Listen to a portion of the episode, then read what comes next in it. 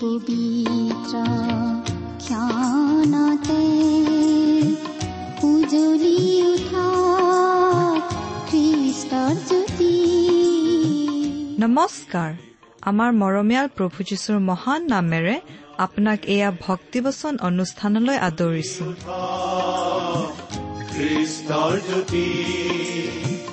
আকাশ বতাহ মুখৰিত কৰি গাঁও হাবে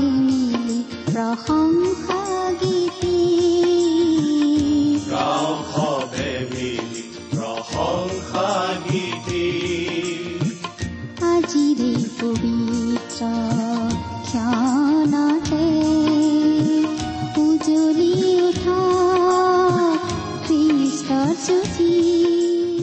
ঈশ্বৰে আপোনাক যি অসীম প্ৰেম কৰিলে তাক যদি অনুভৱ কৰিব বিচাৰে আৰু তেওঁৰ অগম্য বাক্যৰ মৌ মিঠা সোৱাদ ল'ব বিচাৰে তেন্তে আহক আজিৰ ভক্তিবচন অনুষ্ঠানটো মনোযোগেৰে শুনো। এয়া আপোনালৈ আগবঢ়াইছো। ঈশ্বৰৰ জীৱন্ত বাক্যৰ অনুষ্ঠান ভক্তিবচন।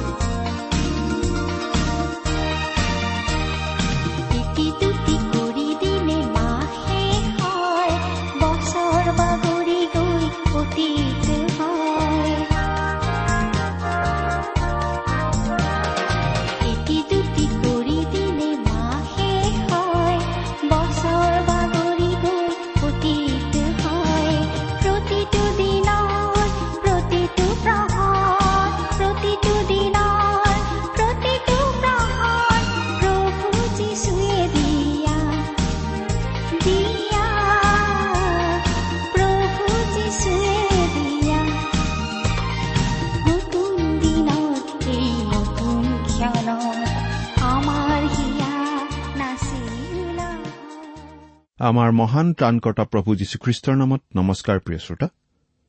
আশা কৰো আপুনি আমাৰ মহান পিতা পৰমেশ্বৰৰ মহান অনুগ্ৰহত ভালে কুশলে আছে। আমি এই বুলিও আশা কৰিছো যে আপুনি আমাৰ এই অনুষ্ঠানটো নিয়মিতভাৱে শুনি আছে। এই অনুষ্ঠান শুনি আপুনি বাৰু কিবা প্ৰকাৰে উপকৃত হোৱা বুলি ভাবেনে? আপোনাৰ মতামত আদি জনাই আমালৈ চিঠি লিখিবচোন। আমাৰ ঠিকনা ভক্তিবচন টি ডব্লিউ আৰ ইণ্ডিয়া ডাক বাকচ নম্বৰ সাত শূন্য গুৱাহাটী সাত আঠ এক শূন্য শূন্য এক। ভক্তিবচন T W R India post box number seventy Guwahati seven eight one zero' zero' one. আমাৰ website W W W dot radio' eight eight two dot com প্ৰিয় শ্ৰোতা আপুনি যদি আমাৰ এই ভক্তিবচন অনুষ্ঠানটোৰ নিয়মীয়া শ্ৰোতা তেন্তে আপুনি এই কথা নিশ্চয় জানে যে আমি ইয়াৰ আগৰ অনুষ্ঠানটোলৈকে জোনা ভাৱবাদীৰ পুস্তকৰ প্ৰথমটো অধ্যায়ৰ অধ্যয়নৰ সামৰণি মাৰিছিলো। অৰ্থাৎ জোনা ভাৱবাদীৰ সৈতে জাহাজত থকা লোকসকল আগতে কেনেকুৱা লোক আছিল পাছত তেওঁলোকৰ কি হ'ল কি পৰিৱৰ্তন হ'ল আমি সেইটো দেখিবলৈ পাইছিলো। তেওঁলোক আগতে নানান দেৱ দেৱীৰ সেৱা পূজা কৰা লোক আছিল। কিন্তু তেওঁলোকে সত্য আৰু সৰ্বশক্তিমান ঈশ্বৰলৈ ঘূৰিল। আৰু জোনাক জাহাজৰ পৰা সাগৰত পেলাই দিয়া হলত জোনা গৈ মাছৰ পেটত সোমাল। আজি আমি আলোচনা কৰিবলৈ লৈছো এই জোনা ভাৱবাদীৰ পুস্তকখনৰ দুই নম্বৰ অধ্যায়ৰ প্ৰথম পদটো। কিন্তু আলোচনালৈ যোৱাৰ আগতে আহকচোন। আমি পৰম পিতা পৰমেশ্বৰৰ ওচৰত প্ৰাৰ্থনা আগবঢ়াওঁ। আমি প্ৰাৰ্থনা কৰো হে জীৱনময় সত্য আৰু সৰ্বশক্তিমান ঈশ্বৰ আপোনাৰ পবিত্ৰ আৰু মহান নামত গৌৰৱ আৰু প্ৰশংসা হওক। আজি আপুনি আমাক এটা নতুন দিন দেখিবলৈ সুযোগ দিলে। আৰু আপোনাৰ বাক্য পবিত্ৰ বাইবেল অধ্যয়ন কৰিবলৈ এটা সুযোগ দিয়াৰ বাবে আমি আপোনাক ধন্যবাদ জনাওঁ প্ৰভু। এতিয়া যিসকল শ্ৰোতাই আপোনাৰ বাক্য শুনিবলৈ সাজু হৈ আছে সেই শ্ৰোতাসকলৰ ওপৰত আপোনাৰ বিশেষ আশীৰ্বাদ থাকিবলৈ দিয়ক। আমাৰ প্ৰত্যেককে আপোনাৰ মহান প্ৰেম মহান অনুগ্ৰহৰ উপলব্ধি হবলৈ দিয়ক। কিয়নো এই প্ৰাৰ্থনা আমাৰ পৰিত্ৰাতা নাচৰতীয়া প্ৰভু মৃত্যুঞ্জয় প্ৰভু যীশুখ্ৰীষ্টৰ নামত আগবঢ়াইছো। আমেন।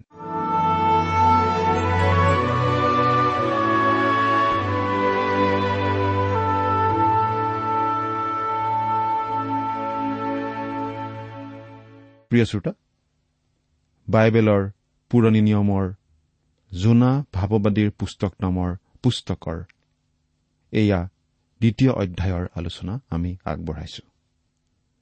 আজি আমি কেৱল দুই নম্বৰ অধ্যায়ৰ এক নম্বৰ পদটোহে চাম।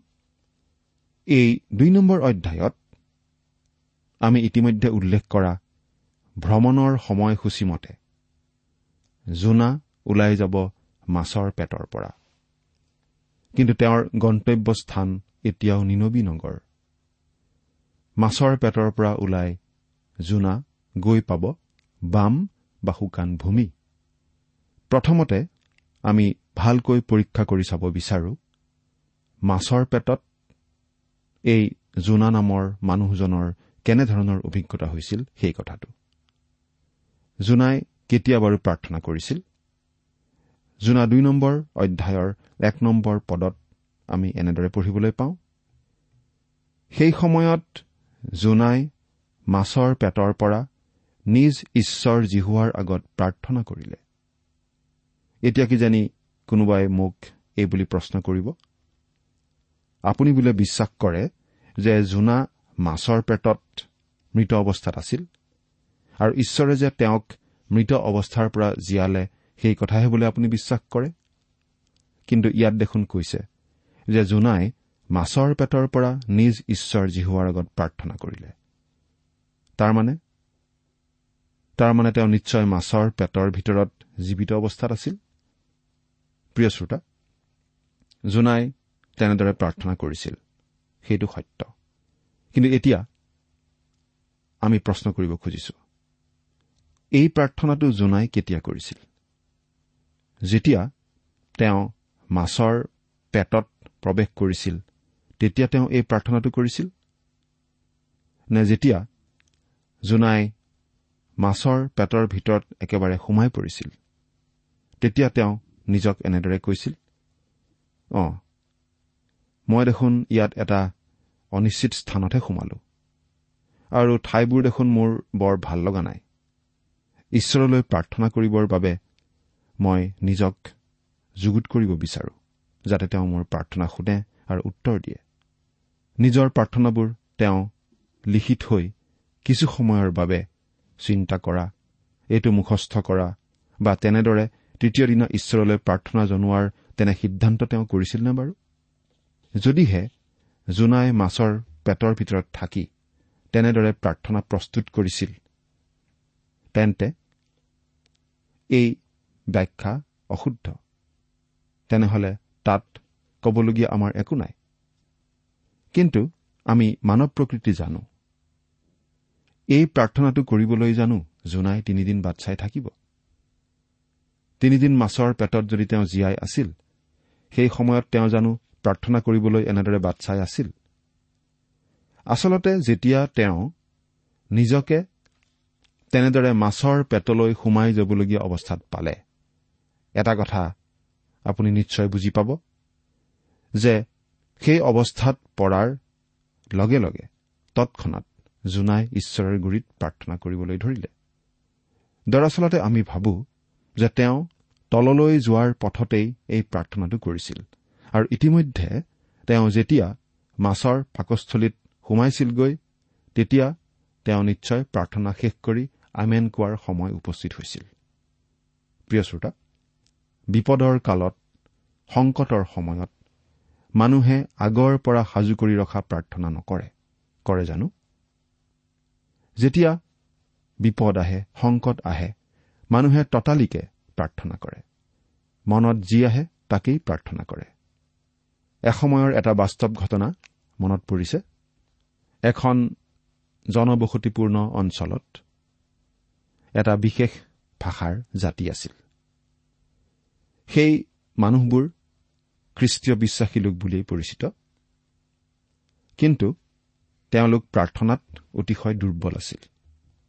তেনেকৈ সেইখন ঠাইলৈ বিভিন্ন ধৰণৰ বিভিন্ন কাৰ্যত লিপ্ত থকা লোকসকলৰ আগমন হয় আৰু সেই ঠাইৰ লোকসকলে এনেদৰেই জীৱন অতিবাহিত কৰি আহিছিল। বাহিৰৰ পৰা যিসকল লোক সেই ঠাইখনলৈ আহে সেইসকলক কোনো বাধা নোহোৱাকৈ তাত তেওঁলোকে থাকিবলৈ দিছিল। তথাপিও তেওঁলোকে সাৱধানে বা জ্ঞানীৰ দৰে কিন্তু চলা নাছিল। কিন্তু পবিত্ৰ বাইবেলে আমাক এই বুলিহে কৈছে এতেকে কিদৰে চলা তালৈ সাৱধানে চাবা। অজ্ঞানৰ দৰে নহয় কিন্তু জ্ঞানীৰ দৰে চলিবা। সকলো প্ৰাৰ্থনা আৰু নিবেদনেৰে সকলো সময়তে আত্মাত প্ৰাৰ্থনা কৰা। কিন্তু সেই মানুহবোৰে সাৱধানে চলা নাছিল।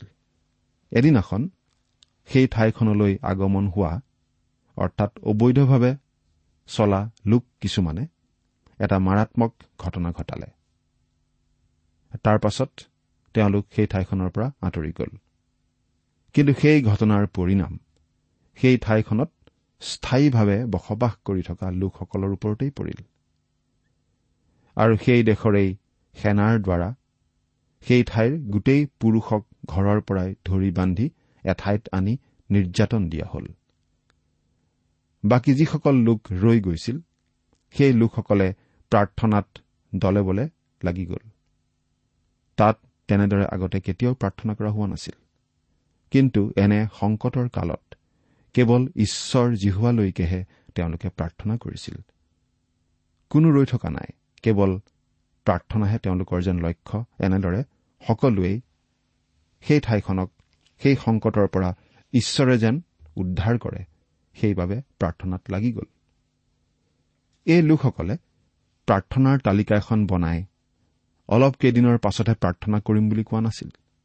তৎক্ষণাতেই সকলো মানুহে প্ৰাৰ্থনা কৰিবলৈ ধৰিছিল।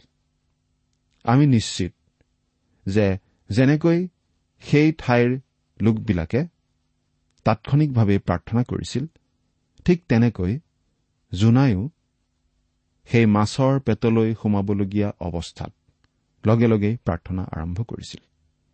সেয়েহে যেতিয়া তেওঁ মাছৰ মুখৰ পৰা ভিতৰলৈ টেটুৰ নলীয়েদি সোমাই গৈ আছিল তেতিয়াই নিশ্চয় জোনাই এই প্ৰাৰ্থনাটো কৰিছিল। যেতিয়া তেওঁ মাছৰ টেটুৰ নলীয়েদি গৈ পাকস্থলী পায় তেতিয়া জোনাৰ প্ৰাৰ্থনা নিশ্চয় সম্পূৰ্ণ হৈছিল আৰু তেওঁ আমেন বুলি কৈছিল। প্ৰিয় শ্ৰোতা আমি ভাবো ইয়াত লিখি ৰখাতকৈও অধিককৈ তেওঁ গভীৰভাৱে প্ৰাৰ্থনা কৰিছিল।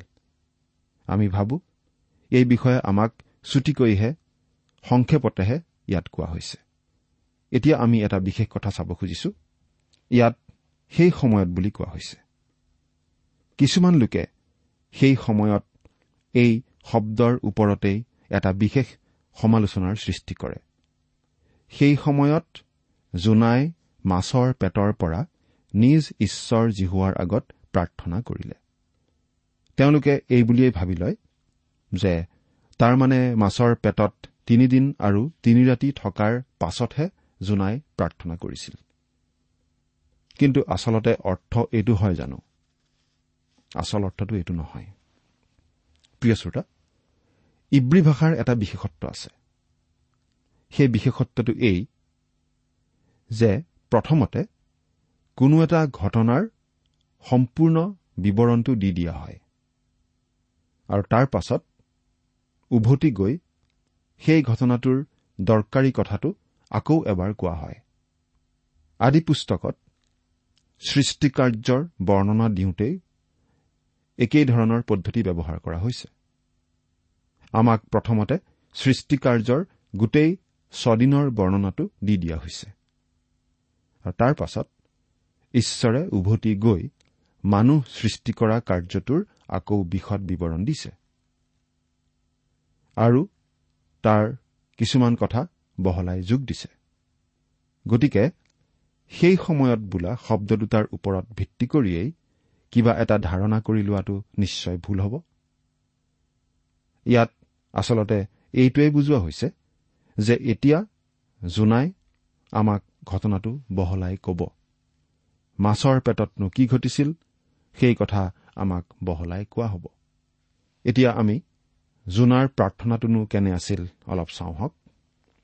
অৰ্থাৎ মোৰ দুখৰ কাৰণে মই জিহুৱাৰ আগত প্ৰাৰ্থনা কৰিলো। তাতে তেওঁ মোক উত্তৰ দিলে। মই চিউলৰ পৰা কাটৰোক্তি কৰিলো। তুমি মোৰ স্বৰ শুনিলা। কিয়নো তুমি গভীৰ জলত সমুদ্ৰৰ মাজত মোক পেলালা। আৰু সাগৰৰ সোঁতে মোক বেৰিলে। তোমাৰ আটাই তৰংগ মোৰ ওপৰেদি গ'ল। মই কলো মই তোমাৰ দৃষ্টিৰ পৰা আঁতৰ হলো। তথাপি মই তোমাৰ পবিত্ৰ মন্দিৰৰ ফাললৈ পুনৰাই চাম। মোৰ প্ৰাণৰ সংশয় হোৱাকৈ জলসমূহে মোক বেৰিলে। অগাধ জল মোৰ চাৰিওফালে হল। সাগৰৰ বনবোৰে মোৰ মূৰ মেৰাই ধৰিলে। মই পৰ্বতবোৰৰ মূললৈকে নামি গলো। পৃথিৱীয়ে নিজৰ ডাংবোৰেৰে মোক চিৰকাললৈকে বন্ধ কৰিলে। তথাপি হে মোৰ ঈশ্বৰ জিহুৱা তুমি গাঁতৰ পৰা মোৰ প্ৰাণ ৰক্ষা কৰিলা। মোৰ প্ৰাণ মোৰ অন্তৰত ব্যাকুল হোৱা সময়ত মই জিহুৱাক সোঁৱৰণ কৰিলো। তাতে মোৰ প্ৰাৰ্থনা তোমাৰ ওচৰত তোমাৰ পবিত্ৰ মন্দিৰত উপস্থিত হ'ল। যিবিলাকে অসাৰ বস্তুবোৰক মানে তেওঁবিলাকে তেওঁবিলাকৰ দয়ানিধিক ত্যাগ কৰে। কিন্তু মই হলে স্তুতি বাক্যেৰে তোমাৰ উদ্দেশ্যে বলি উৎসৰ্গ কৰিম। মই কৰা সংকল্প সিদ্ধ কৰিম। পৰিত্ৰাণ জিহুৱাৰ পৰা হয়। এৰা প্ৰিয় শ্ৰোতা ইমান সুন্দৰ প্ৰাৰ্থনা জোনাই কৰিলে সেই মাছৰ পেটত সোমাই যাব ধৰা অৱস্থাতেই। সেই সময়ত অত্যন্ত ভয় সংকটৰ সময়ত সমুদ্ৰৰ গভীৰ তলিৰ পৰা কৰা এই প্ৰাৰ্থনা ব্যাকুল হোৱা অৱস্থাত কৰা এই প্ৰাৰ্থনা। প্ৰিয় শ্ৰোতা খ্ৰীষ্টীয় বিশ্বাসী লোকসকলৰ বাবে প্ৰাৰ্থনাই হৈছে পিতৃ ঈশ্বৰৰ সৈতে যোগাযোগ স্থাপন কৰাৰ উপায়।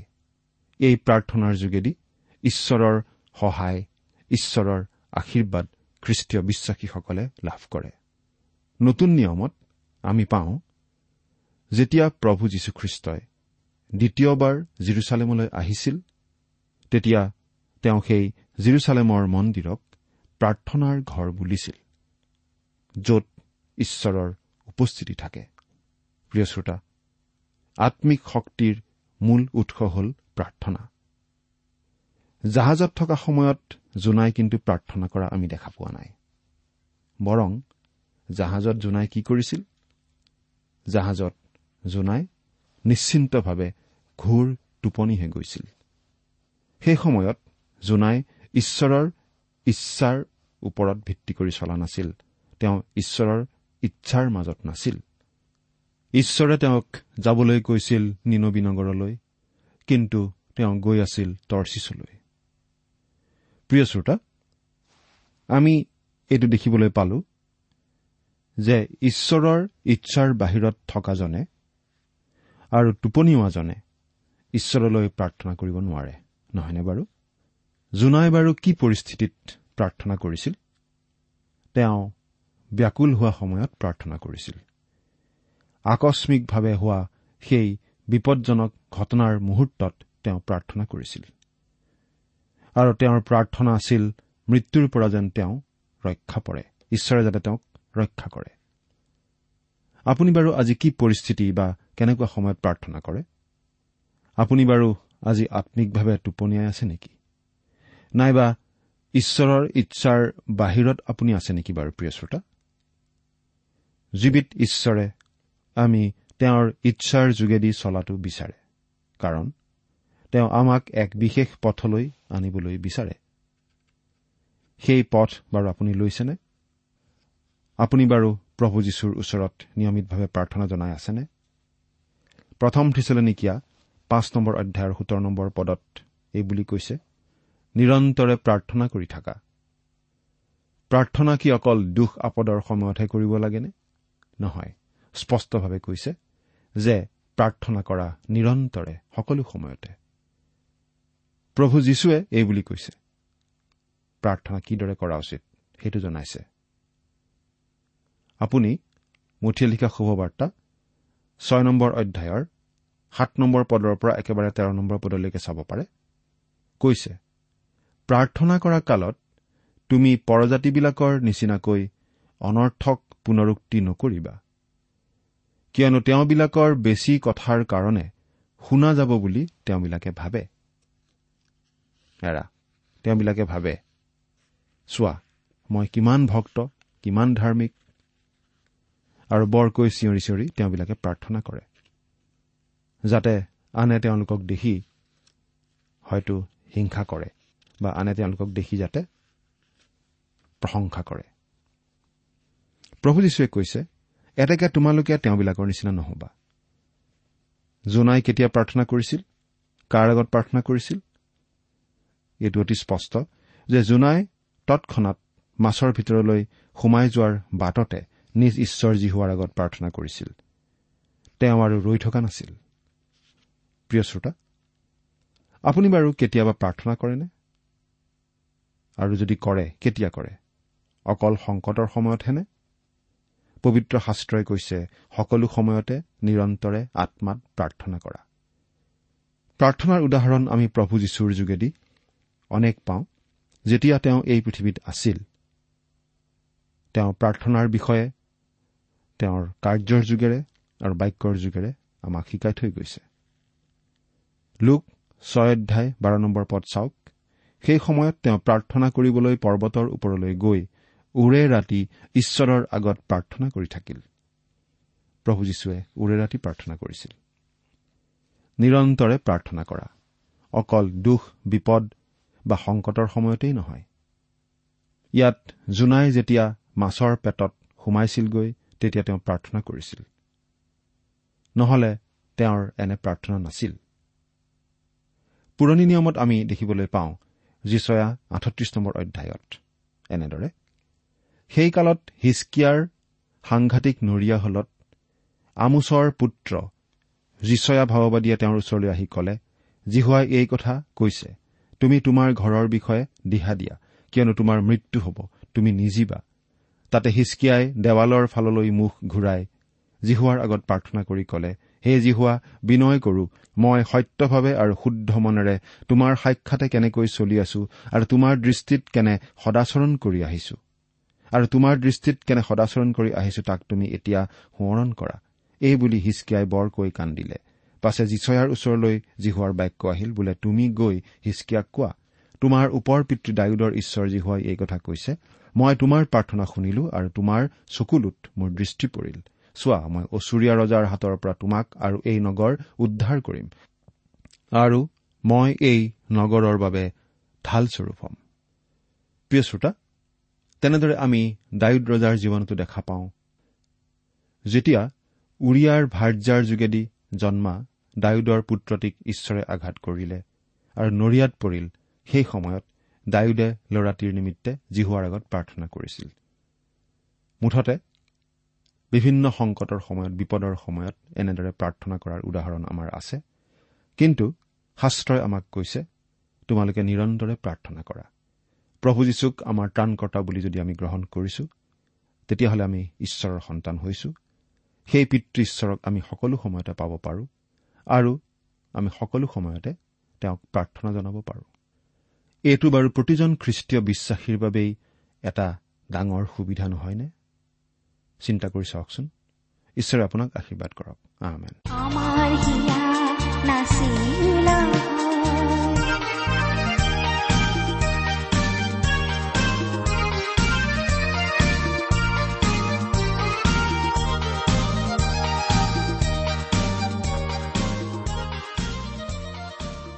পৰে আপুনি ভক্তিবচন অনুষ্ঠানটি শুনিলে।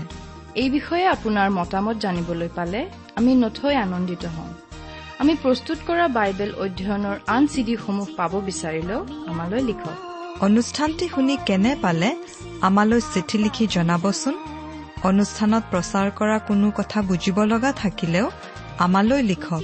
আমাৰ ঠিকনা?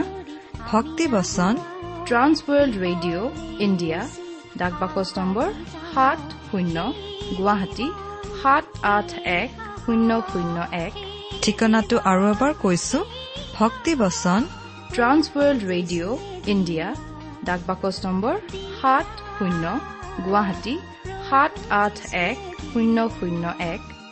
আমাৰ ইমেইল এড্ৰেছটো হৈছে S M is T T B at the rate radio' eight eight two dot com.